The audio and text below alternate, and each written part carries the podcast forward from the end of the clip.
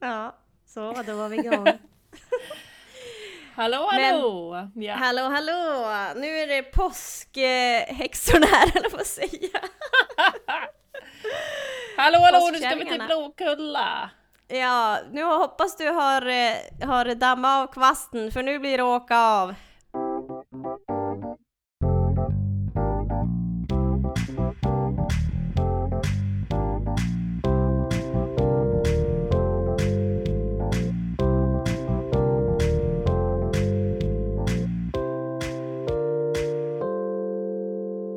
vi sitter ju faktiskt här, vad är det idag? Eh, påskmåndagen vill jag säga, men det är det inte. Ja, Annandag påsk. påskmån- Ja. påskmåndagen är väl ett jättebra ord. Annandag påsk känns alldeles för långt men Mm, mm, det är precis. påskmåndagen. Mm. För första gången så spelar vi in på distans Mm. vilket kan förklara om ljudet är lite annorlunda, kanske till och med Precis. lite sämre. Men det här är ju Vi leker journalister och jag som pratar så här heter Tora Larsson. Och jag heter Paulina Sörlin. Det är ju liksom lite påsklovsvecka för oss, Mm. eller hur? Mm. Eller helg i alla fall. Ja, precis. Jag har tagit och vad ledigt. passar väl bättre då än att prata om lite, lite böcker och kanske filmer vi gillar? Mm. Ja, men för det är inte det man minns liksom från påsken när man var barn, att man satt, man satt och sträcksåg och det var liksom även så här temafilmer, alltså påsktemafilmer, typ hopp och liksom med, med djur och sånt. Ah, Okej, TV. jag har aldrig tänkt att det finns något tema Jaså? kring påsk. Men Men vadå för... Men alltså typ vadå hopp? Tecknade filmer, alltså för jag älskar ju tecknade filmer och ofta har ju typ Pixar eller alltså sådana här animationsstudios släppt då typ en Easter special och då har det varit till exempel den här filmen som heter Hopp och då är det ju om en, alltså en påskhare som ska hinna typ överallt. Ja. Det har jag missat. ja, du får visa dina barn. Den är faktiskt väldigt mysig. Jag kommer ihåg vi såg den med min minsta lillebror när han var typ två år. Den är jättebra. Mm. Ja vad kul för jag tycker påsken är en sån, det är som brist på, det finns inga sånger att sjunga. Nej, det finns precis. inga, alltså det finns inte så mycket tema annat än de här random grejerna, påskhare, kycklingar och ägg och Mm. ja. Ja, exakt. Men det var faktiskt lite intressant för att det blev så tydligt för mig nu när jag var, när jag var ledig och åkte iväg till min stuga och bara tittade på min bokhylla och bara just det, den där boken som jag fick i julklapp Mm. som jag då kanske hade haft tid att läsa men jag bara den här ska jag snart läsa och så går det liksom bara som en blixt och så plötsligt är det påsk och nu fick jag sån tid Ja. att börja på den boken. Så jag tog med den och, och började läsa den. Och det var så tydligt att jag har inte haft en sekund över att börja läsa alltså sen i julas. Nej. Liksom. Men gud, det där händer ju, det där känns som att det är väldigt vanligt och man har så höga förhoppningar och tankar om att jo men nu är det nytt år och bara det här året ska jag läsa 25 böcker och bara jag ska ticka av, jag ska skriva ner varenda en och så blir det bara Mm. att tiden spiller iväg, man, man hinner liksom inte. Och det är verkligen, man måste dedikera sig till att läsa tycker jag i den här digitala världen. Det är liksom svårt att Alltså att finna tid för det, man måste bara skapa tid. Ja, och vad är, vad är din relation då till läsning just nu? Vart är du någonstans? Läser du mycket? Läser du lite? Läser du så mycket som du vill? Alltså just nu är det typ i en liten svacka. Jag har haft, alltså jag är verkligen periodare med läsning. Så att det är så här, jag kan få ett ryck och så blir det att jag men läser ja, men, no, någon bok per månad liksom och så kan jag hålla i det i typ ja, men ett år om jag verkligen har dedikerat mig till det och det passar i mitt liv. Men som nu när det har varit typ mycket överlag med allt, då är det som att då orkar jag inte läsa på kvällen som jag kanske brukar för jag tycker om den rutinen att göra det när man ska gå och lägga sig. För att jag tycker man blir väldigt så här pömsig av att läsa, trött. Och då när man är redan så trött efter livet liksom under dagen, då blir det inte. Så att jag har haft en bok som har nu legat alltså på nattduksbordet liksom i typ fem månader. Och jag bara, alltså det tar bara några sidor här och där och du vet den bara, det känns som jag aldrig kommer någon vart men den är ju jättebra och det är liksom inte det som är felet utan det är bara att jag inte tar mig tiden att liksom sätta mig in i den. Så att, eh, lite svagare. Mm, och det värsta som finns är när man läser några sidor och så kommer man inte in Ja. i det och så pausar man och så näst, det blir som en tröskeln blir bara högre och högre och högre. Det är så, det, det är så synd på boken att man Verkligen. liksom hamnar i det läget. Ja, för då blir det Mm. som inte att den, det görs inte rätt, rättvisa till boken heller. Nej. Och det är bästa man vet, eller i alla fall för mig. Alltså jag tycker det är jättehärligt när man är inne i ett bok eller läseflow, när man bara är i en historia sådär. Alltså det är ju magiskt. Det är som att få byta värld lite grann. Verkligen, och det pågår så mycket längre än att se en film eller Mm. ja, kanske en serie kan snudda vid den. Men det är någonting Mm. när man läser för att man måste fylla i med så mycket fantasi själv i, i form av Mm. bilder liksom. Så att man, det blir verkligen en bubbla på ett annat sätt. Verkligen. Ja. Till en, om man ser en serie har man som alltid en distans, liksom en, ett, mycket mer en dömande blick kanske. Eller liksom, Ja. man kanske ser tillsammans med någon eller så. Mm, ja, och att man också på något sätt får utmålat för sig redan miljöerna och vilka, alltså hur karaktärer ser ut och sådär. Annars kan man ju styra Mm. det lite själv utifrån vad man har läst och bygga upp en Mm. egen bild.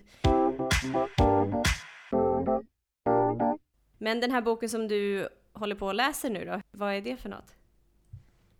Eh, det, det är en bok som handlar om eh, en journalist som heter Ester Blenda Nordström. Känner du till Mhm. Nej, henne? faktiskt inte.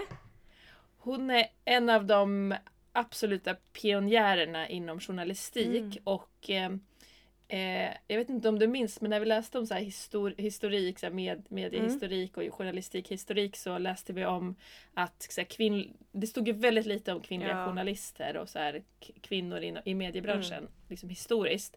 Men det stod några rader om att kvinnor på eh, ja, men typ 10-20-talet kallades för pennskaft. Jaha, det gud. Det var som Var ett, ett uttryck? ord. Mm. Ja, det var som ett uttryck som de också lite claimade. Så, ja, men det är vi som är pennskaftet. Ja. Och sådär. Och, eh, så hon är en av pennskaften Mhm. kan man säga. Men gud och eh, boken, vänta ska jag ta fram den här. Boken heter Ett jävla solsken och är skriven av Fatima Bremmer. Ja. Åh, Och det är liksom en, eh, ja, men en biografi Mm. om Ester Blenda. Och jag har bara läst lite grann men man märker direkt att hon har gjort ett väldigt gediget jobb att liksom samla ihop Dels läst allt som Ester Blenda själv har skrivit i form av böcker och reportage och sen också fått ta del av otroligt mycket brev mellan henne och alla i hennes närhet. Just Liksom. det. Så hon har målat upp ett, ett eh, porträtt.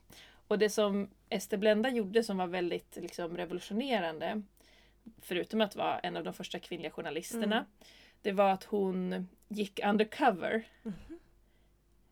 Eh, som piga. Och det var helt nytt, det hade man liksom inte gjort tidigare. Så hon tog, tog tjänstgöring som piga på en, en bondgård för att skriva om hur tjän, tjänstefolk, eller tjänarin, tjänarinnor Mm. pratar de om, hur de hade det liksom, hur arbetsmiljön såg ut. Så hon jobbade under en månad som piga, så här jättehårt Mm. jobb, så här 16 till 17 timmars dagar och pissdålig Ja, lön. Alltså gud. de fick typ 50 öre om dagen eller någonting. Och sen så skrev hon då en massa reportage eh, om hur det här var och, och liksom, ja, det var ju superspännande som sen blev en bok och så och hon blev väldigt snabbt så här världskänd och så har hon gjort otroligt mycket reportage Men och så. gud vad kul, gud vad intressant. Ja, så jag har precis börjat läsa så, så den här ska jag, eh, ja, jag ska ta del av hela hennes liv här har jag tänkt.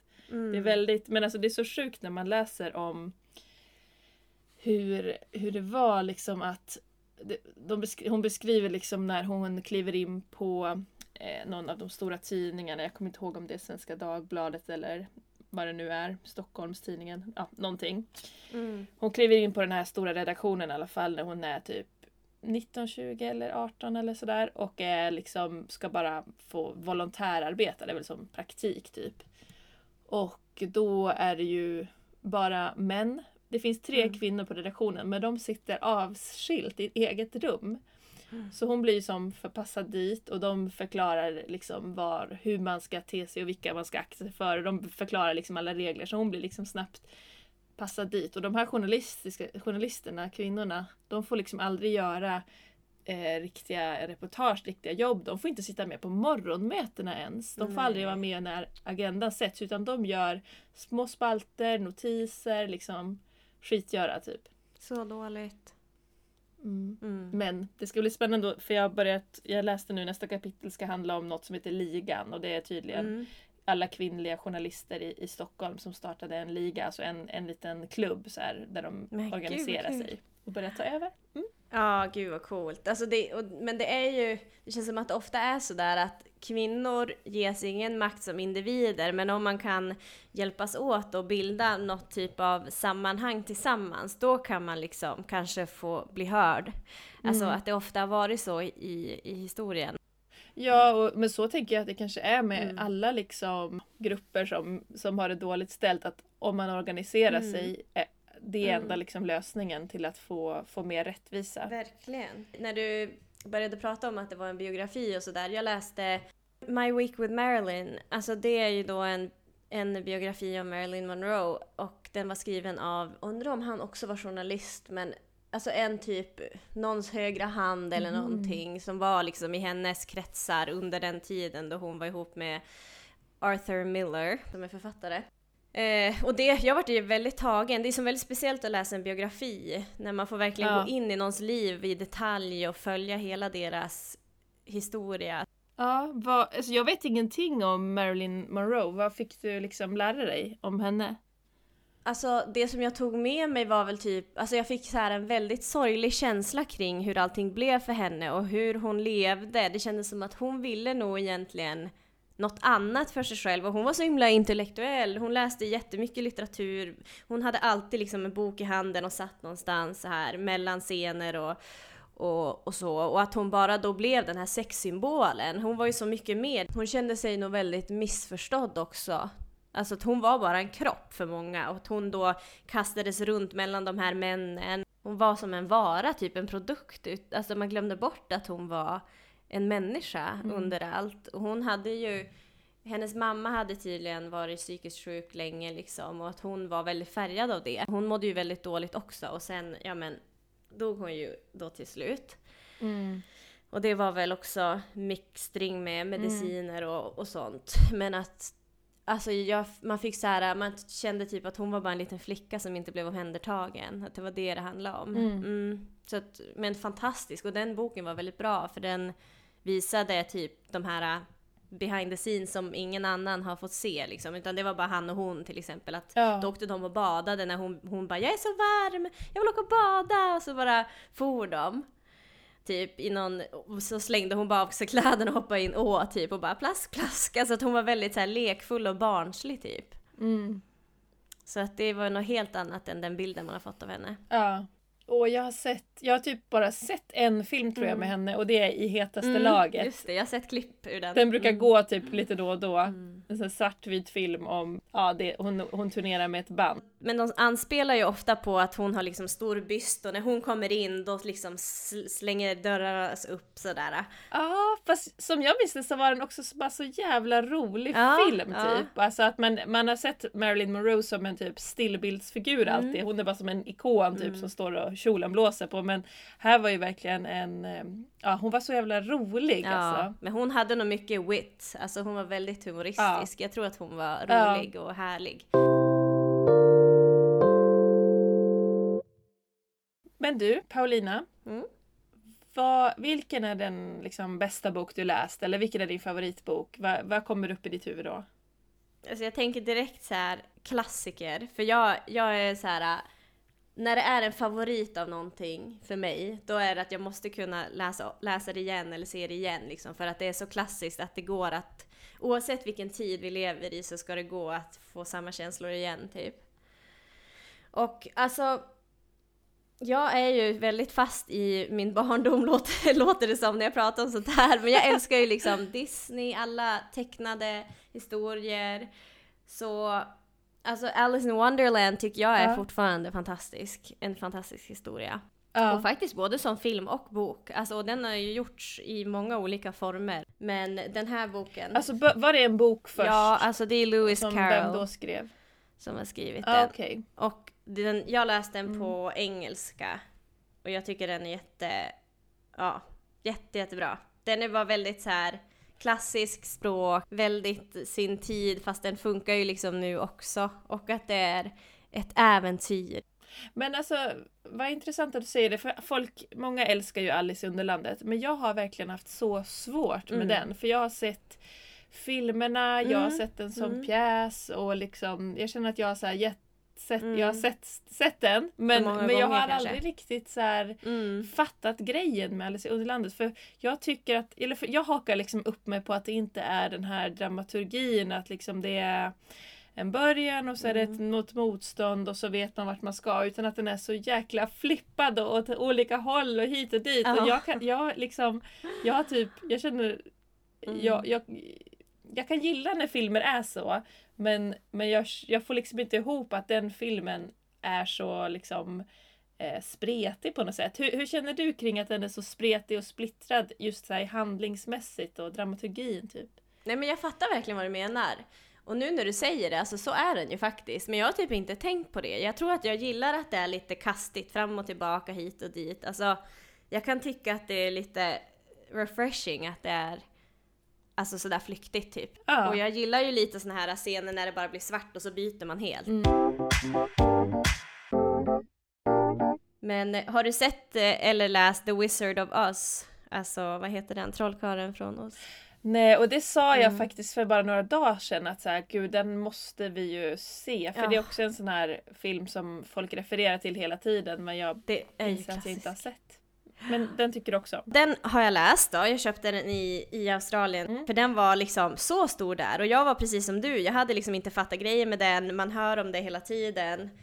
Den här Frank Baum, han är ju också en klassisk författare så jag bara okej men jag läser den och den var ju otroligt intressant och liksom häftig att följa men lite kanske lik också Alice i Underlandet faktiskt. Ja, Ja, på vilket sätt då? Jag menar att det är det här äh, väldigt beskrivande miljöer, jättespeciella karaktärer och typ att det är liksom den här gruppen av, ja men det är ju den här äh, stål, vad heter han då, Tinman, Strawman och så är det hon, eh, Dorothy och så hennes hund. Typ att det är liksom, det finns liksom en liten grupp som man får följa på det här äventyret då, och när de ska ta sig igenom alla olika världar typ.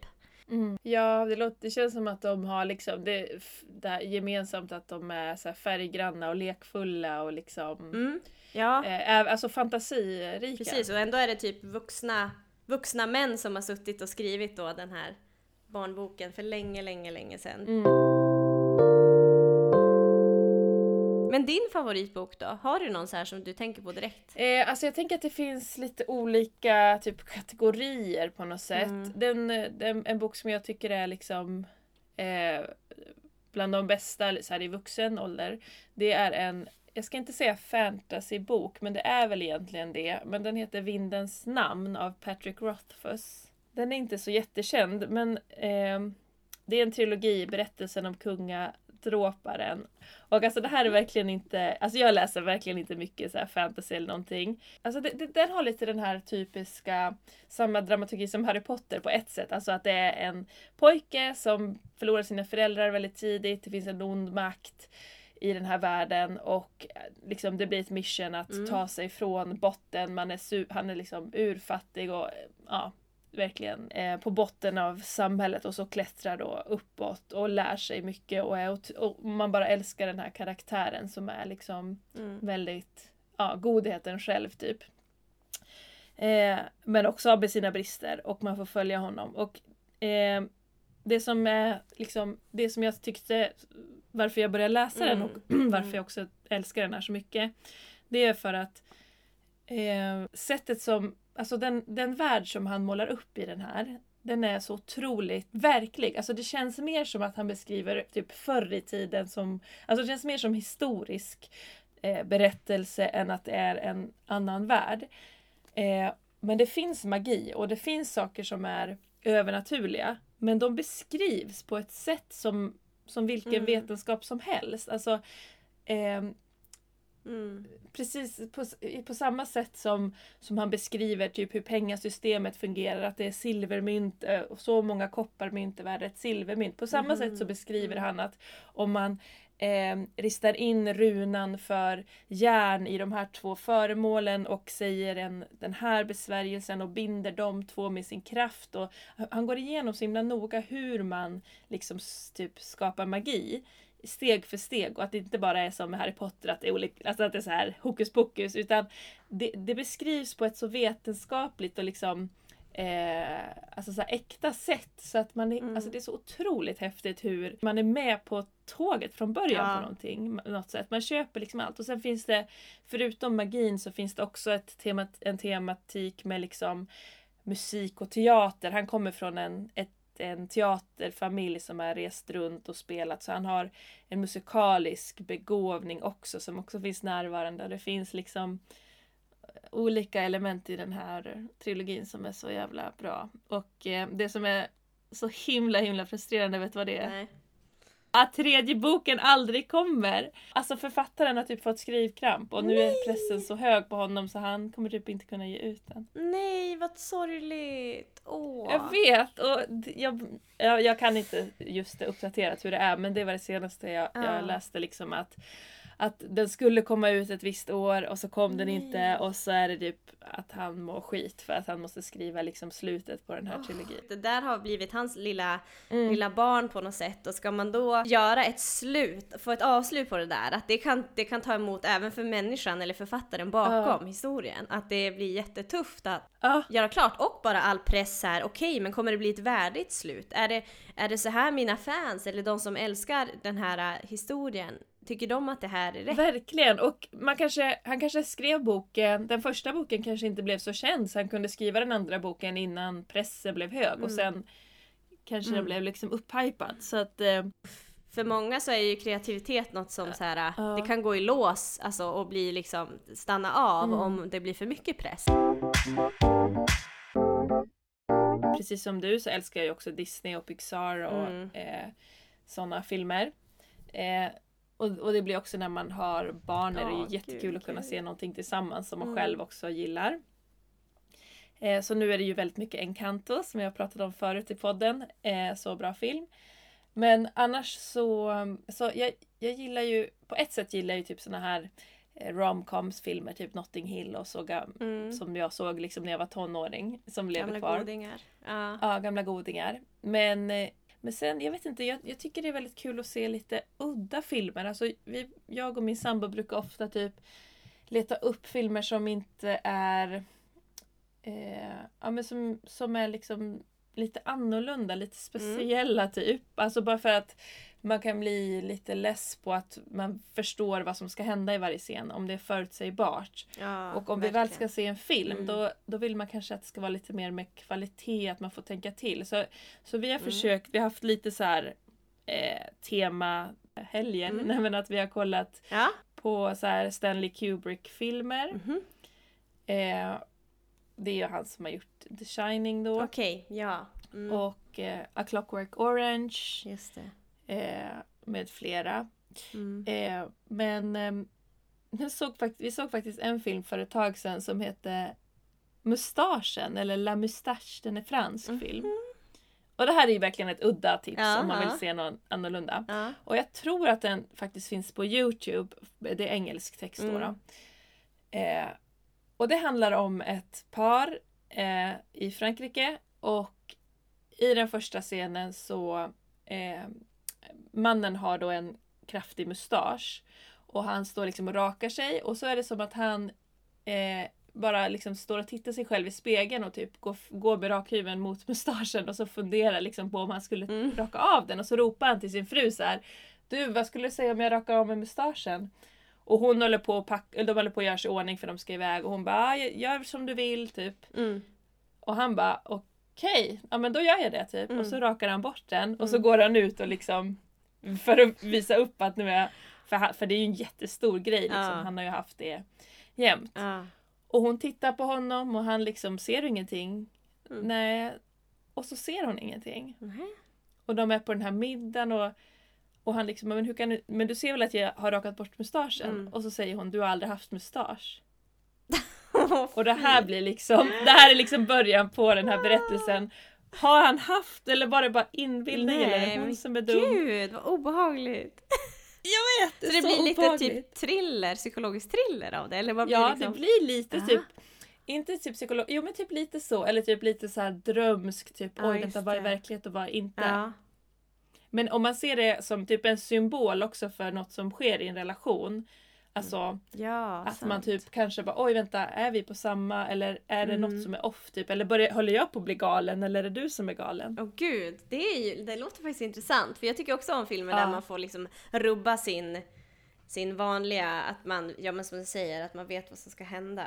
Ja, så det är verkligen ett tips om man vill se något lite, lite udda och så här, Ja. en fransk film. Det är bara Kul. härligt att höra ett annat språk. Ja, eh, och den är väldigt enkel, det är inte så jättemycket snack, det är mest liksom känslor och scener Mm. och, och ehm, det här psykologiska. Mm. Mm. Kul att ha, det var ju bra tips att ha så här film, eller helg, filmhelg, att man har ett tema då.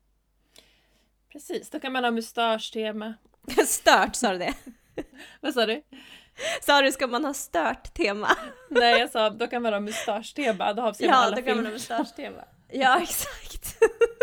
Nej, för det brukar alltid vara dilemmat att vad ska man välja? Man går in på Netflix och så sitter man helt plötsligt där i typ 40 minuter och går mellan alla tusen olika filmer och bara ah, vilken ska vi Ja. ta? Och det Mm. suger ju. Men ett tips där, om man är, ett, om man är ett, liksom två personer eller fler som vill se film tillsammans, är ju att man turas om att välja. Att så här, nu ska jag visa den här filmen för dig. Mm. Ehm, och då kan det ju vara en film man inte har sett men som man vill se och då måste den andra liksom gå med på det. Eller typ den här filmen älskar jag och sen turas man om. Då finns det också som något, det, det blir som en trevlig present så här att jag har tänkt ut att vi ska se den här filmen. Ja, det var, det var väldigt bra. Det kanske jag ska Mm. testa här med, med Andrew. Då kommer man undan det här att man måste komma överens hela Ja, tiden. verkligen. Men Tora, visst har du ett till boktips till mig?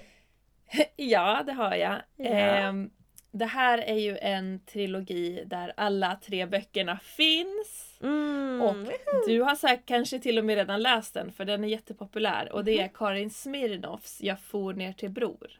Nej, men åh, den där har jag varit och, och tagit på, eller på att säga, på Akademibokhandeln tusen gånger. Men jag har aldrig köpt med mig den. Jag vet inte varför, men jag blir alltid så lockad av omslaget. Ja, det är jättesnyggt omslag. Och Mm. alltså, så underbar bok. Bara, Åh. jag älskar dels att det är så fina omslag med så en, Ja. en målad eh, bild, landskapsbild och så heter böckerna Jag for ner till Bror, Jag for Mm. upp med mor och den sista är, eller jag for, Sen får jag hem. Eh, ja, Ja. heter böckerna. Och ehm, alltså min, min syster när hon skulle så här, sälja in den här boken till mig Mm. så tycker jag hon sa det så bra. För att det här är en bok som så fort du börjar läsa den så tar den tag i dig. Och så gjorde hon så här med händerna som att hon tog tag i ens krage. Mm. Och tryckte upp dig mot väggen och bara håller dig där tills boken är slut. Ja. Och Och det det, det, är verkligen precis så. Man blir helt ruff in i den boken. Mm. Och den handlar... Ja, just nu när det var ett tag sedan jag läste den så kommer jag typ inte ihåg va, på vilket sätt det blir så. Men jag, Nej. jag upplevde det i alla fall så. Men den handlar i var alla fall om, om, en, ja, om en kvinna som... Eh, ja, hon är väl i 30-årsåldern kanske eller någonting, jag vet inte. Som åker upp... Eh, ja, hon åker upp hit till, till Norrland. Eh, till Västerbotten och eh, Mm. en liten by där hon är ifrån och dealar med sina familjemedlemmar och sitt förflutna och de som är kvar Mm. där. Och hon, ja, det, det är en superbra, superbra trilogi som jag längtar Vad efter att kul. jag ska få läsa om. Ja, men gud, då, jag kan, eh, jag ska också läsa dem också då. För jag som har tänkt då, nu, jag vill också bli upptryckt mot väggen. Ja, och du, jag googlade nu för att jag skulle säga Ja. rätt titel. Jag for ner till Bror. Ja. Och då ser jag att på eh, Campusbokhandeln kan man köpa den för 26 kronor. Godkänt skick. Det var inte dåligt! Gör det! Coupon Queen här, hon Så går det igång. är en billig bok, ja precis. Du också säger att den är bra, då är den bra. Mm. Det är kul också när det finns flera, när det inte bara är liksom the one, att det bara finns en, utan Nej. att man vet att det kommer kunna fortsätta, kan läsa Precis. mer. För om man gillar första boken då är man ju in for a treat i två böcker till.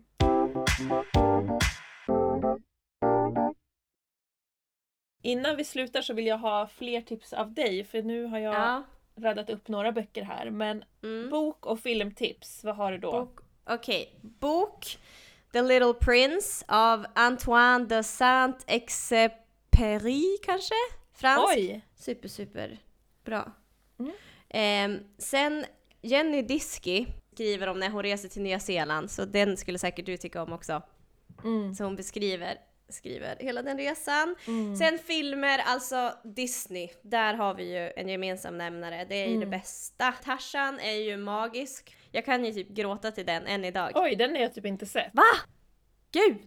Ja men då måste du se den med, med barnen för att den är också underbar. Mm. Eh, sen tips, tips, tips till de som in, ännu inte har sett eh, liksom, vad heter han då? Ja men Studio Ghibli filmerna så måste man ju se dem. Ja. Alltså Ponyo, Spirited Away, My Neighbor Åh. Totoro, alla dem. Alltså galet bra. Så bra. Alltså Mm. Kickis eh, Ja, Expressbyrå eller vad ja, den heter. precis. Ja, den är så sjukt bra. Ja, verkligen. Och det där är ju som, då får man Mm. verkligen komma in i en annan värld och bli, man känner sig Ja. som ett barn igen. Eller jag, jag känner så när jag ser de filmerna. Jag tycker det är så spännande med dem, för det alltså Studio Ghibli har ju Mm. gjort, det är ju mest barnfilmer, men Mm. vissa är ju alltså Mörka. hemska. Ja, men, men, men till exempel då Totoro eller Ponyo Mm. eh, är ju det jag tycker är så spännande med framförallt dem är att vi är så himla vana, alla barnfilmer, alla så familjefilmer, Astrid Mm. Lindgren, whatever, you name it.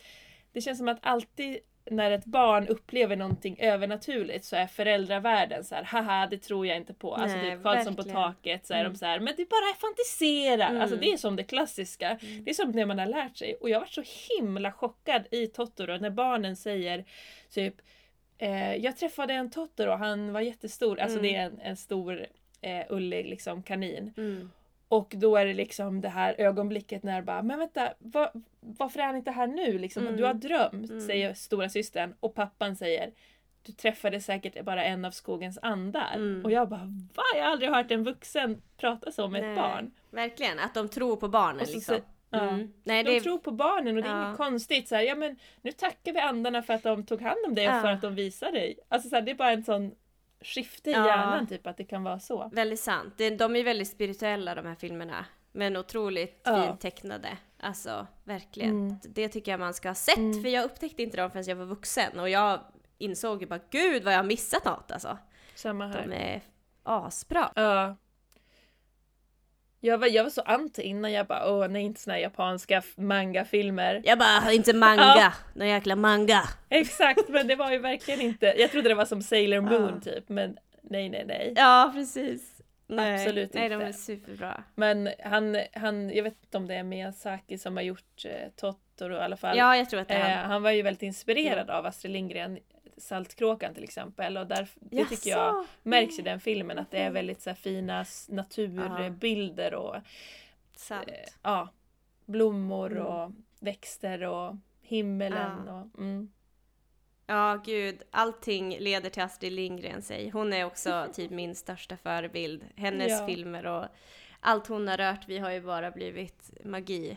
Men eh, gud vad underbart. Nu har vi, och vi kommer skriva ner de här tipsen tänker jag här i Mm. poddbeskrivningen så att man kan eh, få lite tips nu om man känner att man Mm. vill ha en god bok att läsa eller en bra film. precis. Så trevligt. Det här var ett mysigt avsnitt. Eh, lite påsklovsstämning. Mm. Men då ses vi igen om två veckor. Precis, vi tackar för oss. Ha det fint! Hej då! Hej då!